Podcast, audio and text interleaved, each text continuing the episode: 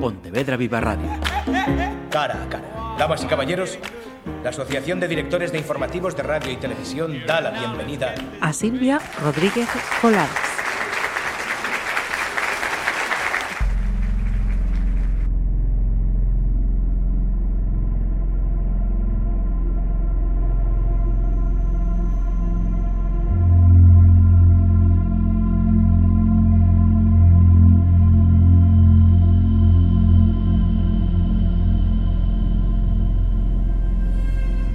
Siempre me había extrañado la facilidad con la que cavaban las tumbas en las películas. Cualquiera que fuera la edad, complexión y sexo del improvisado sepulturero, lograba su objetivo en tiempo récord y sin mucho esfuerzo. Era increíble cómo nos engañaba el cine, porque este agujero me estaba costando la de Dios es Cristo. Por fortuna, había aprendido a usar la pala observando la técnica que empleaban mis vecinos en sus fincas para otros menesteres normalmente vinculados a la horticultura.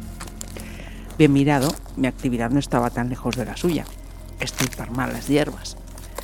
Para evitar trabajos y gastos extras, el terreno que circundaba mi casa era pequeño y con poca vegetación. Había optado por un jardín con un solo árbol que me diera sombra beneficiosa en verano y oxígeno renovado cada día del año. Y como no, al que pudiera abrazar de vez en cuando para notar esa energía positiva que se supone que desprendían conectando la tierra con el cielo. Yo la necesitaba y en grandes dosis, pero el roble no daba más de sí. No sé cómo habría terminado todo esto si el árbol hubiese sido un nogal.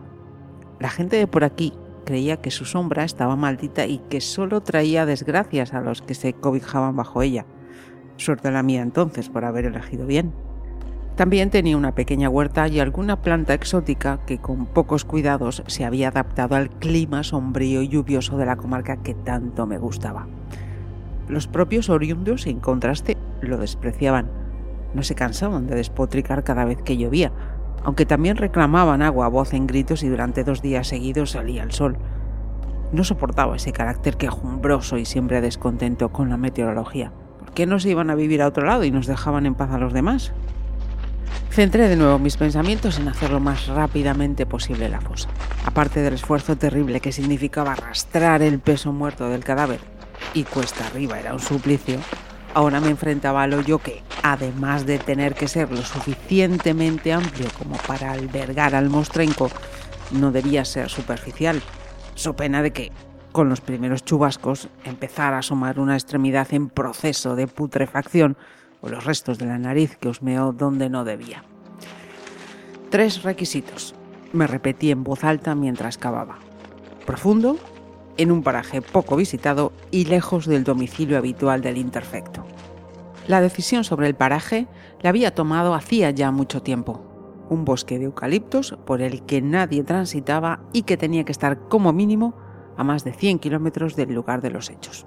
Con cierta probabilidad ardería en un momento u otro y, aunque no ardiera, ni ese bosque ni ninguno de esta clase solían frecuentarse.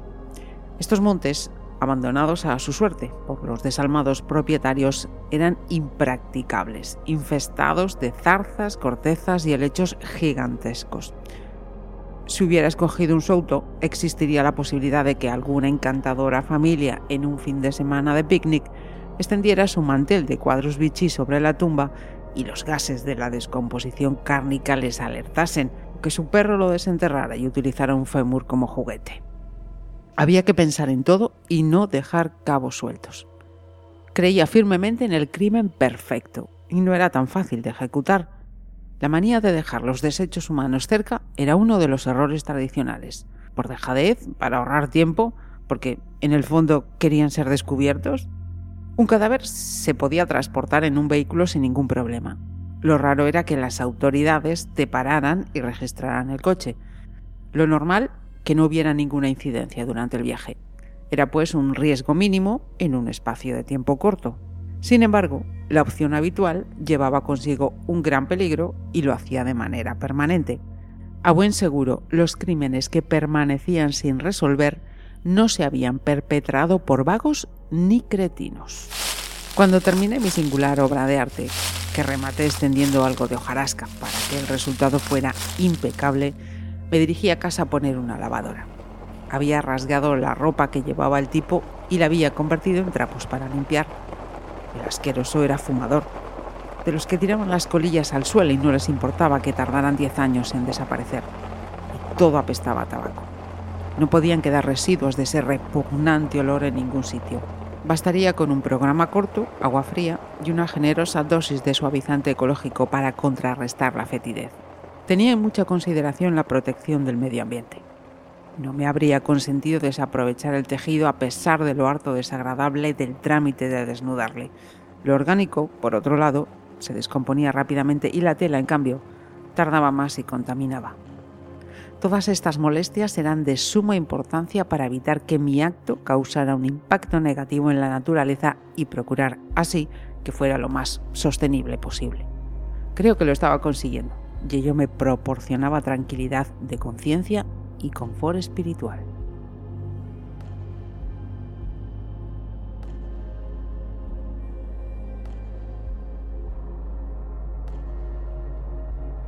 Salimos de Bosque Santo y continuamos en Pontevedra Viva Radio para charlar con la autora de estas páginas que estábamos escuchando. Silvia Rodríguez Coladas, bienvenida. Muy igualmente. Y gracias por acompañarnos. Muchísimas gracias, feliz de estar aquí. Estamos ante mm, tu primera novela, pero no tu primera publicación, porque Silvia tiene recorrido en publicaciones eh, literarias, colaboraciones diversas con artículos, con algún blog que también he estado leyendo. Y esta decisión de me voy a poner a escribir una novela. ¿Cómo y cuándo se produce, Silvia? Pues eh, bueno, yo no sé si sabes que vivo en el Pazo de la Saleta, un sitio que la verdad desde hace años eh, siempre pensábamos, aquí tenía que venir un escritor, porque es que es el sitio ideal para escribir. El caso es que mira por dónde me convertí yo en escritora. Eh, la novela que comienza el libro poniendo que es una novela basada en fantasías reales, eh, esa explicación es pues eh, porque yo sentí un poco la necesidad de escribir, porque sí que eh, resulta un poco choque venir desde Madrid, después de vivir en Madrid 25 años y meterte en una aldea, bueno, lo que es donde yo vivo es una, parroquia, o sea, una aldea, aunque sea Meis, Meis es muy grande, pero donde yo vivo es como una aldeíta. Eh, que estoy feliz, eso vaya por delante, o sea, no lo cambio por nada, ni nunca he mirado hacia atrás y he dicho lo que me estoy perdiendo, no, estoy feliz, absolutamente feliz, pero sí que es cierto que hay una especie de choque de culturas ahí. Entonces, sí que me surgió un poco la necesidad de escribir, eh, pues viviendo allí, viviendo allí, viendo pues, una vida completamente distinta a la que tenía yo en Madrid. Eh, luego también las relaciones vecinales pues, tienen su peculiaridad. Em, en, Madrid también, eh, también las pueden tener. Lo que pasa es que allí no sabes, no nos conocemos, no conoces ni al de enfrente. Es terrible. Vives con miles de personas, pero exacto, puedes estar exacto, es muy solo. Eh, en cambio, en el pueblo, pues mm, en este sitio tan pequeñito, pues un poco nos conocemos todos. Y, y bueno, pues ahí me empezó a surgir la necesidad de, de escribir. Fue una novela para mí un poco terapéutica, para eh, pasar ese, ese trance del cambio, que es un mm. cambio muy grande, ¿eh?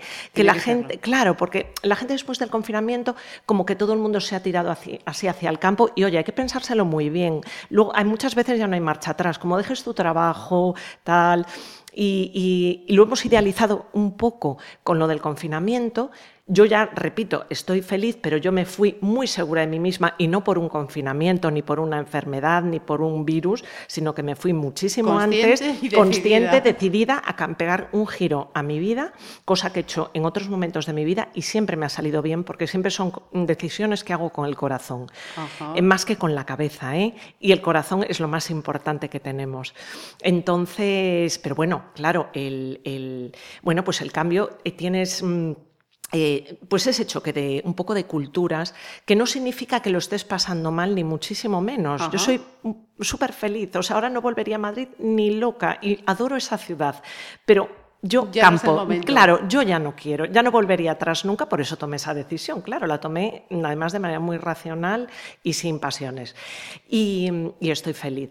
Pero, pero bueno, eh, es muy distinto la vida del campo a la vida de la De la ciudad. Y mm, eh, ahí me surgió eh, la inspiración realmente, pero mm, inspiración que ya me viene de lejos de otras cosas, si quieres luego te cuento. Inspiración me refiero literaria, cinematográfica. Eh, y luego ahora, por ejemplo, estoy pensando eh, ya en escribir otro libro de no ficción, también relacionado un poco con la conexión que tenemos más bien la desconexión que hay ahora con la, la, naturaleza y el hombre. Y también me viene gracias, esa inspiración gracias a vivir ahí, o sea que al final Viene todo- viene todo junto y viene todo de ese jardín y de esa casa que son una fuente absoluta de inspiración. Y Galicia en sí me parece que está muy poco explotada literariamente y cinematográficamente para lo que tiene, la riqueza que tiene y lo peculiares que somos los gallegos, que somos increíbles. Eh, tenemos ahí algo, yo creo que todavía es un diamante en bruto, yo creo. Hay que, hay que seguir puliéndola. Sí, Bien, has escogido además un, un género muy atractivo, que es la, la novela negra. La ubicas en el ambiente rural gallego, entiendo, sí. dices el norte, pero Sí. creo que damos por hecho que es Sí, Galicia. sí, lógicamente. porque eh, aunque no menciono la palabra Galicia, eh, sí que pongo palabras gallegas, entonces, bueno, buen entendedor. o sea, Hay que, estar, hay que estar un poco espabilados, además. No me os durmáis leyendo la novela, por favor. Y la aderezas, además, con algo muy gallego que es la retranca. Desde las primeras líneas, esa retranca gallega Sí. está muy viva. Sí, eso la verdad es que es, es mío. ¿eh? O sea, me refiero que no me costó hacerlo porque yo es que to- todo lo... Todo lo que pienso, lo que a veces no lo digo, pero siempre tengo ahí esa retranca que me ha venido en un gen, yo creo, totalmente gallego, Gallego. Porque, porque lo he tenido siempre y, y no concibo eh, la vida sin sentido del humor. Por eso soy incapaz de escribir eh, sin sentido del humor. O sea, todo lo que he escrito, por ejemplo, el blog que tenía, eh, siempre estaba impregnado de, De- de humor, porque no soy capaz de escribir toda seria porque yo no soy así. Ajá. Entonces... hombre, me pongo seria con las cosas serias, pero intento, eh, no sé, bueno, intento, es que me sale, no, no es que lo intente, es que me sale. Entonces casi me ha respondido la siguiente eh, cuestión que quería plantearte, Silvia, porque decía, vale, eh, la novela negra, mm, tú que vienes de estar vinculada con el sector editorial, Sí. sabes perfectamente el gancho que tiene la novela negra. Sí, sí. Ya nos decías antes que te viniste a, a Mace, a la saleta, pues convencida y, y, vamos, sin vuelta atrás. Hmm. Sí. Con lo cual ya tenemos la explicación de por qué ese marco del rural gallego. Y tercero, ese humor que te viene innato. Sí. Em, me falta un elemento más, Hmm. pero lo voy a dejar para después. Perfecto. Nos encontramos entonces a, a Silvia en todas y cada una de las páginas, por eh, forma de ser, eh, por planteamiento, por ubicación, todo. Sí, bueno, menos en la psicopatía. Lo aseguro, ¿eh? Soy incapaz de. Bueno, yo hasta. Fíjate, soy incapaz de hacerle daño a, a nada ni a nadie. Eh, entran víboras en casa Oh. y las cojo. No con la mano, claro, si no estaría muerta, eh, pero las cojo con un recogedor, con un- una escoba, o sea, la, la- la barro. Sí, sí. Ella me intenta atacar, lógicamente, porque piensa que le voy a hacer algo, y salgo de casa y me voy hasta el monte de al lado y la echo allí. O sea, porque no me gusta quitarle la vida a nada, ni a nadie. O sea, no lo haría nunca, nunca. Entonces, bueno, sí que tiene cosas mías, como cualquier escritor que escribe una obra de ficción, siempre plasma cosas suyas en, en los personajes. Eh, pero bueno, a ver, me costó mucho crear el personaje de- del asesino, porque, a ver, es que tiene muchas cositas, ¿eh? Eh, tiene muchos tocs, tiene, bueno, cosas muy, eh, como decía una, una periodista eh, que se ha leído la novela, una periodista de Madrid, me decía, es que es tiene unas patologías muy contemporáneas. Eh, este, es- esta persona. Premeditadas por tu parte, te las has colocado. Bueno, fueron surgiendo, fueron, fueron surgiendo. Puede ser que alguna la tenga yo también. ¿eh? Bueno, yo creo que no nos salvamos nada. Pero sí, no, no, no, no. Yo, por ejemplo, eh, sí que es cierto que esta persona es muy ordenada y yo lo soy. Entonces, bueno, pues aproveché un poco eso, pero bueno, luego tiene 40.000 cosas más que yo, gracias a Dios, no tengo, ¿eh? De verdad, lo juro. Sin duda, sin duda alguna, vamos. Por lo que he leído, sin duda, sin duda alguna. Eh, voy con ese elemento que no he mencionado antes, eh, pero también por el que te quiero preguntar, el ecologismo. ¿Cuál hmm. es tu concepto y en qué se, se parece o se aleja de ese ecologismo que nos quieren introducir. Sí, Yo aquí, sí, justo. Yo aquí hago un poco el, paroxismo de, la, del ecologismo, ¿no? que es un asesino eh, que tiene muy en cuenta el medio ambiente. Eh, ahora mismo, mira, yo estudié un poquito de, bueno, de la carrera de criminología, lo que pasa es que luego la dejé porque me volqué en, pero bueno, tengo mis asignaturas aprobadas con nota, eh, porque quería un poco conocer este mundo criminal, pero bien, o sea, conocerlo correctamente. Y, mm, y eh, allí conocí, o sea, estudiando, conocí una figura que se llama greenwashing, que es eh, un lavado verde, que están haciendo ahora las empresas eh, mm, que nos intentan engañar, y es un porcentaje muy alto, diciendo que todo es sostenible. O sea, ellas no han cambiado nada, pero ahora de repente todo es sostenible. Cambian a lo mejor las letras o el logo, lo ponen verde, y ya nos creemos que todo es sostenible y todo es verde y todo es respetuoso con el medio ambiente. Es todo mentira. No, entonces esto ya es un poco, pues una parodia, un poco crítica de eso que nos intentan, que ahora es que si os fijáis, es todo, la palabra sostenibilidad yo la escribo, pero como un poco riéndome de, ello porque es mentira. O sea, lo más sostenible es no consumir, por ejemplo. Y hay empresas que te están metiendo continuamente, somos sostenibles, somos sostenibles, compra, compra, compra, compra, que te lo rebajamos, compra.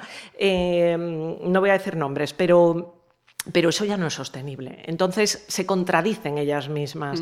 Lo que pasa es que, bueno, este mundo capitalista pues tiene que seguir girando porque si no nos hundimos. una serie de máximas exacto, y exacto, eh, exacto, exacto. Eh, yo me gusta, reciclo desde, desde, que era, desde que empezó el reciclaje, reciclo todo. En Madrid vivía en un apartamentito muy chiquitín, pero reciclaba todo, o sea, papel, vidrio, todo. Aquello era un centro de reciclaje. Y curiosamente, de los pocos puntos limpios que hay en Madrid, vivía, o sea, en mi calle había uno, o sea, es que era feliz. Bueno, bueno, está, bien, está bien. Por lo menos uno hace las cosas sabiendo que, o confiando en que el final va, a ir en la misma línea. Sí, eso espero.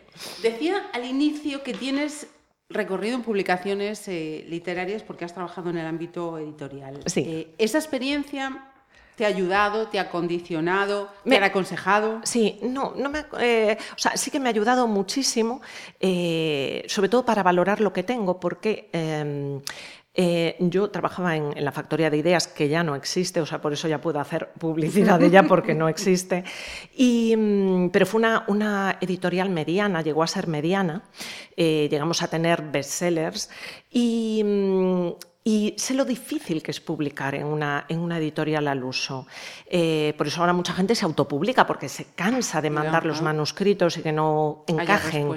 Entonces sí que, a ver, eso eh, sí que supe un poco a dónde poder mandarlo, porque, por ejemplo, nosotros pues no, no, en nuestra editorial, por ejemplo, salvo que tuvieras premios o algo así, no, no leía ya. Bueno, sí, a lo mejor lo empezaba a leer y ya fuera, pero si no tenía un currículum, nada, porque no se arriesgaban. Esto es una empresa. Las editoriales mm. son empresas y tienen que vivir.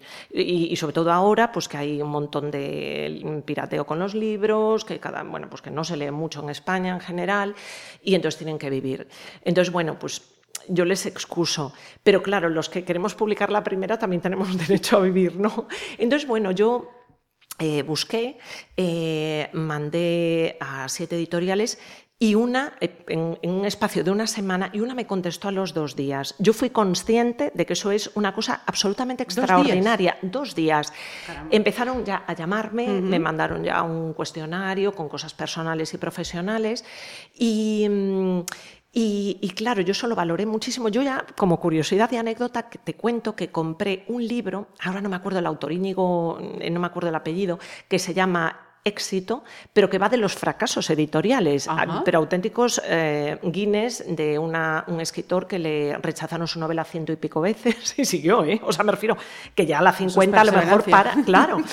Pues yo por si acaso, yo ya preparada para todos los rechazos, me compré ese libro y lo curioso es que en el test que me, hizo la editorial Fanes, que es la que me ha publicado, eh, me decían, eh, mm, ¿qué, cinco últimos libros te has comprado? Y claro, ese lo, lo vi, ahí mentí, le dije, ese lo quité porque digo, claro, es que me he comprado uno sobre el rechazo editorial, preparándome ya para la paciencia. Claro, eh, lo leí igual, pero ya lo leí con una tranquilidad y un gusto increíbles, claro.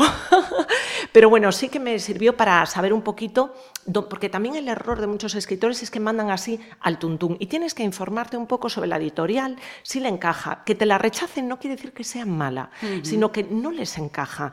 A lo mejor en ese momento y a lo mejor hace 10 años sí les encajaba o a lo mejor en un futuro les encaja, pero ellos miran en el momento. Esto ahora mismo no nos encaja. Entonces sí que me sirvió para, para eso.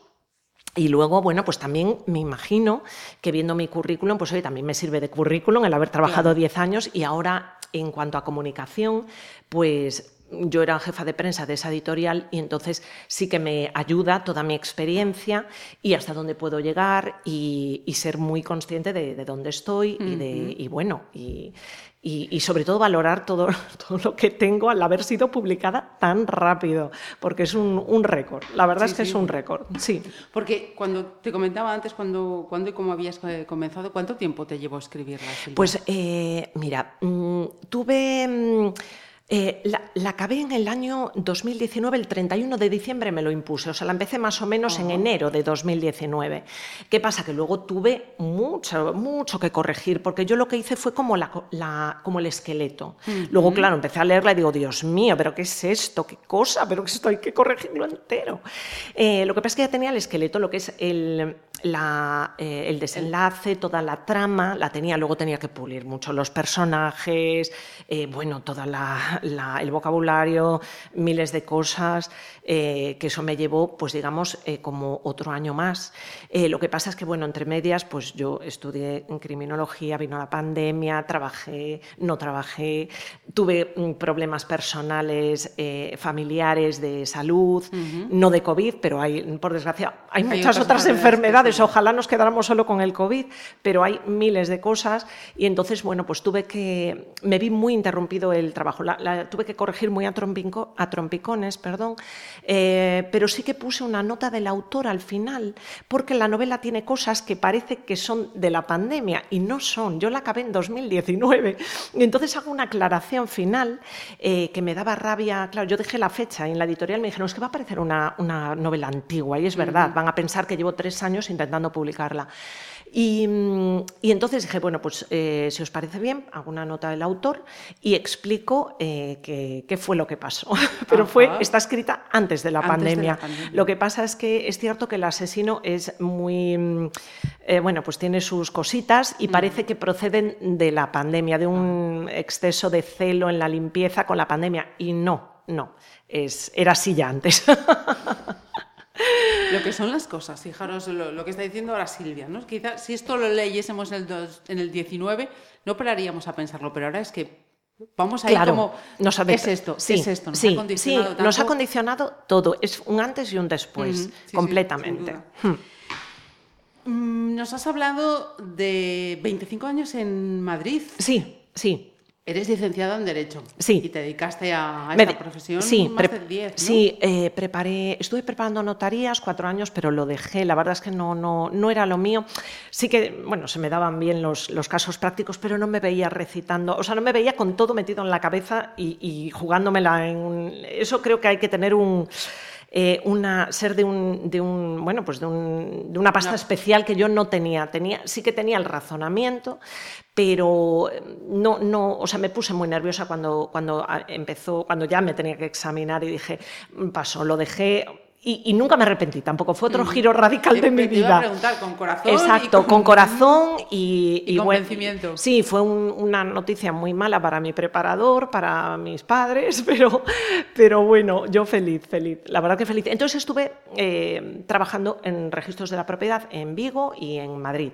En Madrid estuve, pues sí, como siete años o eh, así, y, muy feliz ¿eh? también. Lo que pasa es que es cierto que me empezó a aburrir en determinado momento y y entonces me, fui al mundo editorial porque tuve la oportunidad de ir, claro, también. O sea, empecé a combinar los dos trabajos y hubo un momento que dije, me lanzo, me lanzo. Voy a por ello. Voy a por ello.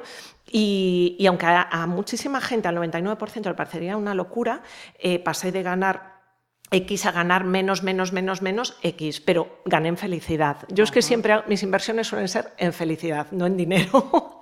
Entonces eh, me salió muy bien porque curiosamente empezó a crecer la editorial y ahí pues pues al final no, perdí tanto, pero al principio me fui, eh, pues, mm, bueno, es que compañeros míos decían, pero que te vas a arrepentir, estás loca, porque estaba, era el boom inmobiliario. Entonces yo ahí estaba ganando un dinero que no voy a volver a ganar en mi vida. Eh, y aún así me fui en la cresta de la ola, me fui y feliz, feliz, de verdad. No sé si desde ese momento, pero sí que es cierto que mm, previamente, mm, y esto es una confesión que os hago ahora que estáis eh, escuchando, eh, previamente a esta charla con Silvia he hablado con ella por teléfono, la vez que concertamos la entrevista, y un par de veces pues mm, por cuestiones de, esta entrevista por, uh, por, WhatsApp, y sí que es de esas eh, personas que transmiten esa energía, ese positivismo, mm, lo llevas cultivando ya desde hace muchísimo tiempo. Yo no igual es innato. Sí, yo, creo, que, yo creo que, yo creo que es innato. Y bueno, eh, una cosa que he leído eh, es, eh, bueno, que he leído, lo decía, mm, hay un pintor, Dios mío. yo creo que Francis Bacon decía, como no he tenido una infancia feliz, no pinto jarrones con flores. Yo la verdad es que sí he tenido una infancia feliz, muy feliz, y creo que eso te determina mucho cómo eres. Mm, por eso es muy, muy importante cuidar la infancia de los niños, porque si un niño tiene una mala infancia, ya va a ser, va a ser un adulto, creo que con muchos problemas. Eh, problemas a lo mejor de, pues eso, de no conseguir, de no estar satisfecho nunca, de no conseguir la felicidad. Y felicidad que no es el tener muchísimo dinero y ser famoso, no, felicidad son las cositas pequeñas que aunque lo dicen siempre es verdad, ¿eh? es disfrutar con un café. Bueno, pues yo tuve una infancia muy feliz y creo que eso me ha determinado a ser positiva y a verlo todo eh, y ser feliz con, pues me da igual que me regalen una horquilla que, que a lo mejor un coche. A lo mejor es más práctico el coche, pero mm, pues depende del momento. Para mí a lo mejor es lo mismo, me hace la misma ilusión. Disfrutar. sí, disfrutar con todo. efectivamente. Ya que estabas hablando, mira, de, de la infancia, he visto, eh, naciste en Ponte de Hume. Sí. Y nos has hablado eh, de tu vinculación con Mace, con la Saleta. Ya venía desde el principio, desconozco esa, esa conexión. Ah, mm, mm, ¿Te refieres a la conexión con Mace? Sí, sí, sí. Nada, la conexión con Mace realmente fue porque mis padres eh, compraron eh, pues, un pazo en ruinas, que era el pazo de la Saleta, y eh, mi madre se enamoró del jardín locamente y mi padre de la casa. entonces, pues juntos restauraron esa, esa, casa y fíjate, em, te voy a comentar que yo viviendo en Madrid, como loca con Madrid, bueno, pues veinteañera, era, fue, fue en el año...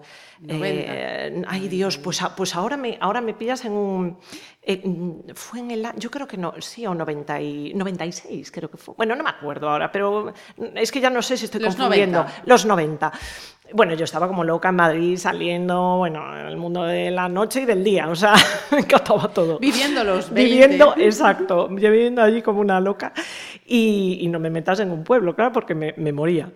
Pero pisé la saleta por primera vez y dije, yo voy a vivir aquí. O sea, lo sé, lo sabía, lo intuí porque me encantó, o sea, me fascinó y me atrapó. Eh, lo que pasa es que no era mi momento, claro, o sea, una veinteañera la metes ahí después de haber estudiado en Madrid y tal y, me muero, ¿no?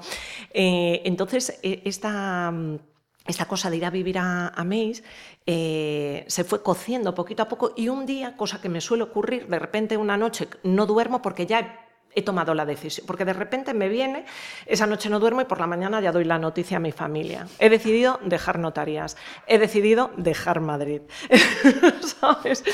Y, así me vienen las cosas. Entonces, la conexión, no tenemos ningún vínculo, porque mis padres, eh, mi padre es de Quiroga, mi madre es de Ribadeo, eh, solo tengo una, o sea, tengo dos hermanas, una es de Ribadeo y la otra es de, Pollo, eh, es la que nació aquí, la más jovencita pero no tenemos vínculo ni familia con Mace. Pero bueno, yo ya me siento vinculada. Se ha generado, claro, el vínculo y, para mí es mi hogar, es mi hogar. E imagino que ese contacto con este jardín de excelencia internacional es el que también te ha dado eh, esas... Eh, pinceladas que hay en todo el libro de conocimiento botánico. Sí, sí, por supuesto. Eh, mm, por ejemplo, eh, mm, hay esta idea de, que todo lo natural, ay, es que esto es natural. Bueno, puede ser un veneno. Es que todos los venenos vienen de la naturaleza. Ahora se sintetizan y se hacen eh, o sea, sintetizados de forma artificial, pero todo viene de la naturaleza. Eh, entonces es una cosa que me apasiona, el mundo de, los venenos y de que te puedas morir por morder una, hoja y por una, morder una hoja de, de una especie que existe por todos los sitios. O sea, que hay que tener mucho cuidadito con... Eh, de vez en cuando sale la noticia en un periódico de, eh, pues unos chavales eh, los tuvieron que ingresar en urgencias porque se fumaron no sé qué planta. ¿Sabes? Que hay que tener mucho cuidado. Es que son reacciones químicas que te pueden matar, claro. Entonces eso sí que lo he... es cierto que he usado un poquito mis conocimientos escasos, que yo no soy química, pero bueno, mm, busqué muchas cosas. y luego lo que sí me el, ambiente de la novela, eh, igual que está en la portada, es mucho de lluvia. A mí me, marca, me marcó mucho la lluvia. Además, el año que me, fui a vivir a La Saleta, eh, en el año 2014, nadie se acordará, solo yo, fue un año de ciclogénesis. cada, dos días había una ciclogénesis. Eh, lluvia intensa, vientos. Yo me fui a vivir allí el 7 de enero y de 2014 y, mis, y la como era una casa que no, no habíamos usado, la calefacción no funcionaba. Mi madre, vente para aquí, para casa. Y yo, no, no, me quedo aquí, no voy a huir por la primera, el primer inconveniente que tenga. Bueno, pasé un frío. Se arregló todo, al final fuimos arreglando todo. Pero yo me, me, empeciné y dije, de aquí no me muevo, o sea, me da igual, ya se irán arreglando las cosas. Y no, eh, la lluvia, pues, mm, aunque venía de una zona seca como es Madrid, tampoco me asustó. Ah. Eh, y ahora me, me, encanta. De hecho, mm, pues hago un poquito también crítica en la novela de esto que, ay, es que hace mal tiempo. Este mal tiempo es la vida, o sea, la lluvia nos da la vida. El día que deje de llover sí que va a ser malo. y no vamos a tener el paisaje. Exacto, exacto, el paisaje verde gallego tan increíble que lo ves sobre todo volando eh, en avión, como cambia Castilla, que también es preciosa, pero bueno, eh, Castilla es árido y amarillo, y luego vemos este verde frondoso, pues esto es gracias a la lluvia, señores, no es gracias a, o sea, es gracias a la lluvia y al sol, pero la lluvia hace falta. Necesaria, fundamental. Claro.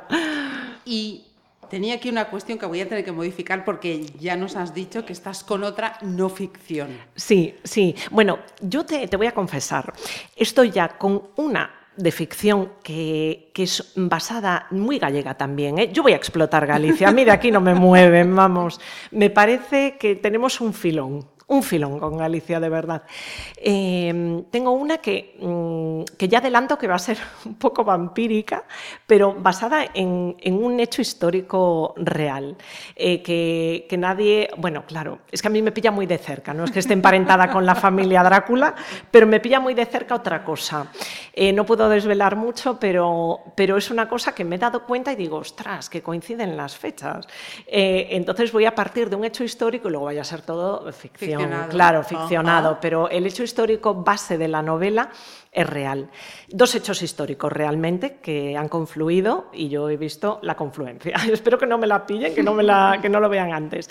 Y luego, pues está esta otra que, este otro libro, que esto me va a salir a borbotones. Yo creo que esta va a ser más rápido y porque me apetece mucho hablar de eso, eh, porque veo eh, un poco, eh, claro, yo ahora, cuando vuelvo a Madrid, ahora iré a presentar la novela, eh, veo mm, a la gente tan eh, muy desquiciada, que yo a lo mejor lo estaba también, pero veo, mm, yo ahora que voy tranquila, con, el sosiego de la aldea, y digo, pero están locos, o sea, de repente se pone el semáforo en verde y a la micro de, mm, a la micro de, segundo? De, segundo ya te están pitando y dices, por Dios, que te vas a morir de un infarto, de verdad. Lo que pasa es que antes me parecía normal. Y ahora voy y digo, pero están locos todos. Y, luego veo eso, muchos madrileños vienen al jardín también, se vuelven locos con el jardín. Entonces, eh, creo que hay, hay un poco, sí que hay gente que, está, que valora la naturaleza y otra que la veo muy desconectada, muy desconectada y creo que la naturaleza solo, porque es que somos naturaleza. Hay gente que dice, no, es que a mí no me gusta la naturaleza, pero si tú eres naturaleza, ¿qué estás diciendo? Estás loco. Entonces quiero un poco escribir un libro sobre ese tema. Me sale, me sale para que eh, lo lean sobre todo urbanitas, eh, que son los que lo necesitan, yo creo. O sea, casi casi un libro de autoayuda. Sí, yo creo que lo van a poner en, en, la sección autoayuda, cosa que me viene de perlas, porque no sé si sabes que la autoayuda a partir de la pandemia ha subido como la espuma. O sea que si los autores ganamos muy poquito, es muy difícil vivir, salvo Pérez Reverte o, algunos otros, vivir de esto. Pero la autoayuda sí que puede venderse, sí que puede ser más fácil. Pues das, con dos géneros, autoayuda y novela negra, que son, vamos, de éxito. A ver, a ver, eso espero, eso espero.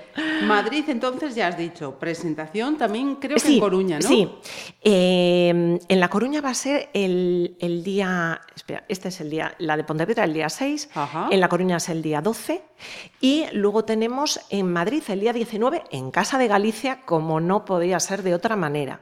Quería ser eh, que fuera en Casa de Galicia eh, porque además no tengo mm, apenas ningún amigo en Madrid gallego y quiero que, vayan. que vayan, porque es un palacio, es una cosa preciosa y estoy segura de que el 99% de los que van a venir no conocen esa, casa tan bonita que tenemos allí los gallegos.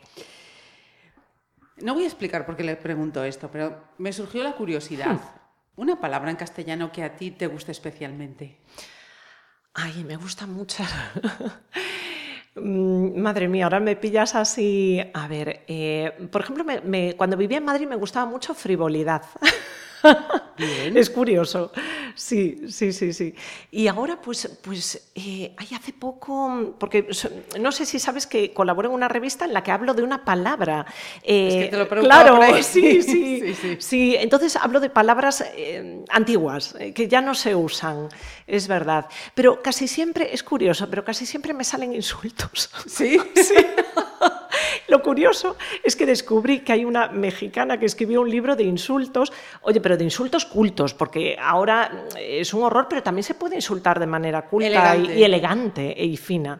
Entonces sí que, sí que he puesto palabras ahí y a veces me salen digo, Dios mío, voy a cambiar el chip porque solo estoy poniendo insultos. O sea, la última que escogí fue Barrabasada, que me gusta ah, mucho, porque se la oía a mi padre. Bueno, mi padre vive, se la oigo a mi padre, quiero, decir. Y es curioso porque a mi futura suegra, porque me caso este año, mi futura suegra se la oí el otro día y digo, pues debe ser un poco de esa generación Barrabasada. Y entonces me gusta recuperar palabras eh, que ya están en desuso. Por desgracia, la gente joven cada vez tiene menos vocabulario, eh, pero bueno, si leen, eh, conseguirán vocabulario. pero que lean también obras importantes, no solo gente joven que escribe y tal, porque a lo mejor adolece del mismo problema. mal. Claro, claro. ¿Y una palabra en gallego que te guste así? Ay, el gallego es tan bonito, tan bonito. Eh, a ver, déjame, déjame pensarlo un poquito, porque sí que hay, em, sí que hay, bueno, dichos me encantan muchísimos. El gallego es es fascinante. Por desgracia, yo no lo conozco bien porque estudié muy poquito gallego. Pero me encantaría que mi novela eh, se pudiera traducir al gallego, no, me encantaría, me encantaría. Eh, pero, ay Dios, es que ahora me, esto me lo tenía que haber preparado. Pero, por ejemplo, una, un, yo que hace poquito estuve, eh, tuve una, una, lesión en la rodilla porque me caí en el jardín, una caída tonta, pero siempre estaba con, cuando me ponía de mal humor, siempre les decía, no hay cochobo. Eh, ¿Sabes? O sea, como justificándome, a ver, estoy coja, pues esto es lo que hay, o sea, no estoy de buen humor. Pero me encantan sobre todo los, los dichos gallegos y hay palabras tan bonitas, tan bonitas, y que me arrepentiré. O sea, a ver si me, si me preguntas otra cosa y me va saliendo una. Lo, había dejado casi para el final, pero voy a ah, recordar un detalle que no, he mencionado. Nos ha dicho fecha y, eh, de las presentaciones que tendrán lugar en Coruña y en Madrid y este viernes 8 de la tarde, viernes 6, repito, 8 de la tarde, va a presentar Bosque Santo en el espacio Nemonon de Pontevedra, que también es una casa espectacular. Sí, la verdad es que he escogido sitios bonitos. Eh, me parece que hay que maridar la novela con sitios también eh, espectaculares. Villa Pilar es increíble. Eh, este espacio Nemonon, que ya le doy las gracias a Mauro, que, lo, que me lo ha cedido para este evento, es una maravilla, una maravilla, y ese sitio es mágico, es mágico, es una, una casa que parece, mm, o sea, que es un como un microcosmos, justamente una burbuja en medio de una ciudad pues un sitio donde se ha parado el tiempo. Luego en La Coruña lo presento en, el Real Club Náutico, que también es un espacio como muy eh, clásico, muy de modé, como a mí me gustan los sitios, o sea, como muy carca. Con todo el cariño lo digo, ¿eh? porque yo soy así, es que yo tengo, voy a cumplir mañana 52 años y soy una carca, sí.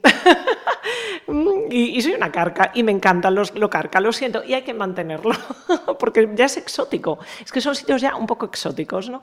Y luego en Madrid, pues en Casa de Galicia, que también es un espacio muy, pues igual, un poco en la línea.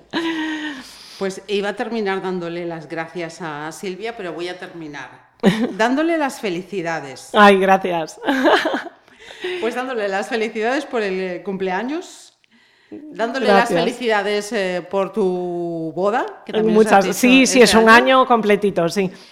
Y deseándote algo que no me cabe duda, eh, mucho éxito con este libro. Muchísimas gracias. Bueno, feliz, feliz. Y la esperamos para los dos siguientes. Veremos a cuál de los dos va antes. Sí, por favor, por favor. gracias. Un abrazo. Pontevedra Viva Radio. ¿Me permiten que les haga un comentario como espectadores del programa Cara a Cara?